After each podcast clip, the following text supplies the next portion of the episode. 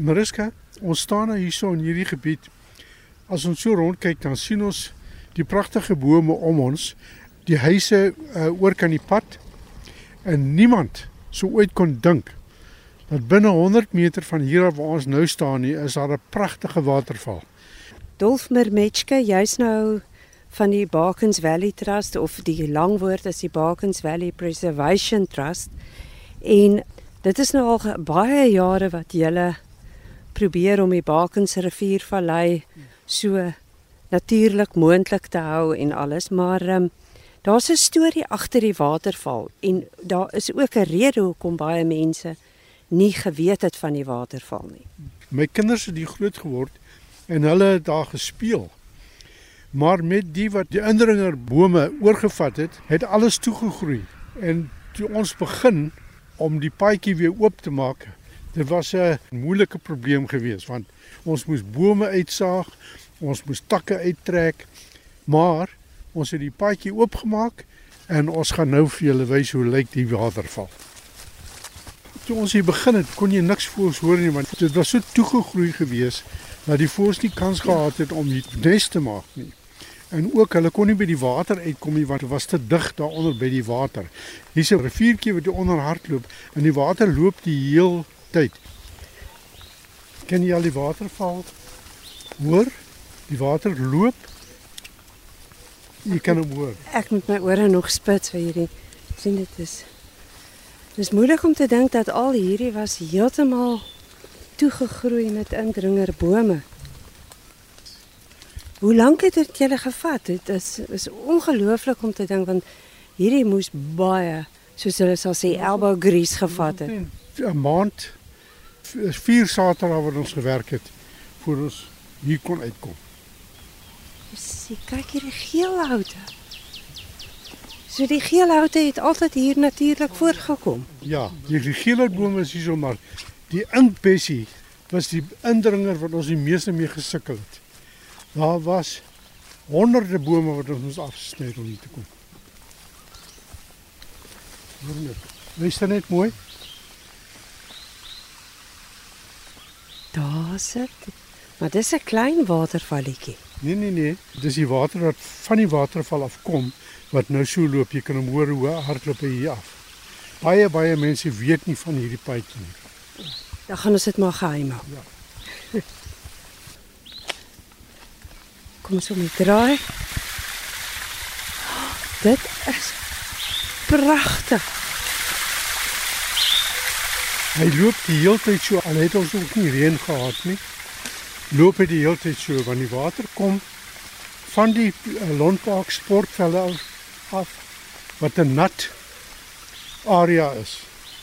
Jare terug toe die Lond familie die plaas gehad het waar ons nou staan, het hulle beeste daar waar die sportvelde van Londpark nou is, het hulle hulle beeste water gegee. As ek nou hier kyk, die water is silwer skoon, dis nie besoedel nie. Dit is skoon water wat van die grond afloop. En dit is stormwater pype wat die water van daar af bring tot in hierdie kloofie daarbo. So dis stormwaterpype onder die vlei wat Ja. eens 'n vlei land Ja, was ja. wat dan nou hierso dreineer. Ja.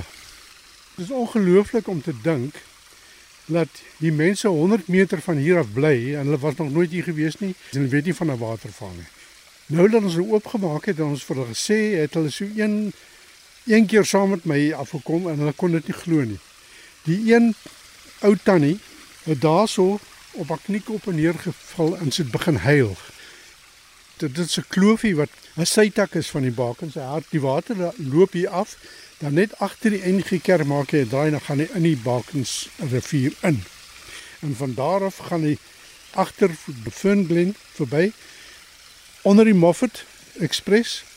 Dan gaan hy linkside toe en dan van daar af gaan hy na die die Settlers Park toe. En van die Settlers Park af gaan hy deur na die bus terminus daar onder heel onder naby die hawe. Van daar af loop hy binne in die hawe en waar die die mond van die Bakensrivier is. Is 22 km en ek het dit baie keer geloop van daar af tot by die hawe. Toe ons die veldwagters gehad het, het ek elke dag met hulle geloop, so 4-5 km en die volgende dag vat ons weer oor, dan loop ons iets om verder tot ons by die hawe uitkom, dan begin ons weer van voor af. Maar Dolf, wat my nou opgeval het, jy het nou 'n paar keer ook genoem en vroeër voor ons hier gekom het dat jy so saam met jou vrou ook werk hier, Gwyneth. Dis nou eintlik 'n seëning dat jy 'n soort van vennote is. Ja, omdat sy so naby aan die natuur was, omdat haar pa die direkteur van parke was, het sy ongelooflike kennis opgedoen van die natuur, van die bome, van die voëls. Sy is so passies oor natuur in die Bakensvallei. Dit is ongelooflik. En sy is eintlik die dryfkrag agter ons die werk wat ons hier doen. Ek het die werk gedoen, maar sy het alles gereël. Klink vir my baie goed. Dit is vir my ook. Sy nou ook met Gwyneth praat.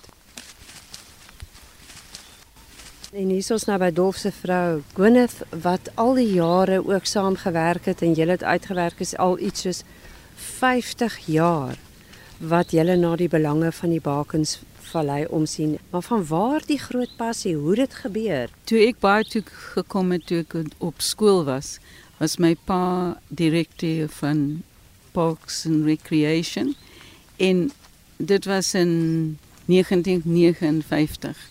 En van daai tyd af is die passie daar. Saam met my pa in Settlers Park en ons het baie daar gedoen. Daar was bokke en daar was swans en alles in Settlers Park. En ek het net van dit gehou en dit het van daar af begin. En toe koop ons in Glenelg weg op die kant van die vallei. Teen daai tyd het hulle besluit die mense van die Kaap het afgekom en hulle het besluit dit moet 'n botanical garden wees in Fernglen. Maar toe het dit nie gebeur nie. En was jy toe al aktief gewees of was dit nadat hulle die Kaapse mense gesê het hulle wil nou botaniese tuine hier op die Bakens riviervallei se oewers as 'n mens dit so kan noem. Toe ons vestig het, het ons geweet daar was praat van 'n botanical garden, maar dit het nie gebeur nie en toe begin ons om daar te bly en dan is die passie daar. En in daai tyd het ons altyd geloop en met die klein kinders in die vallei gegaan en indringe plante uitgetrek. So dit is stukkie van my.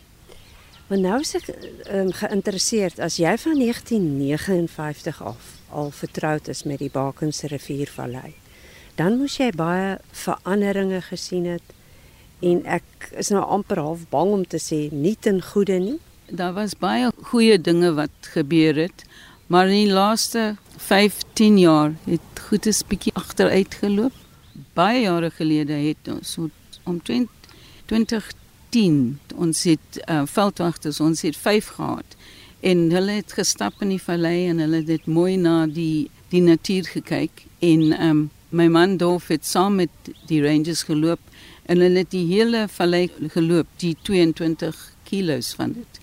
Maar het die munisipaliteit hulle het saam met die Balkans Trust die rangers betaal en die munisipaliteit het na 'n jaar gesê nee, hulle kan nie meer nie daar's net een wat oorbly en hy werk vir die munisipaliteit en hy is my spanleier en hy doen al die kettingsaak vir ons voel jy partykeer nie lus om te sê man dis 'n verlore saak of is daar altyd hoop Ek het 3 jaar gelede van die Barkens Valley Preservation Trust afgetree. Nou werk ek alleen en as jy alleen werk, kan jy beter die goeie hanteer want ek het baie contacts en my contacts help my baie. Gwyneth, jy het nou nou gepraat van 22 km.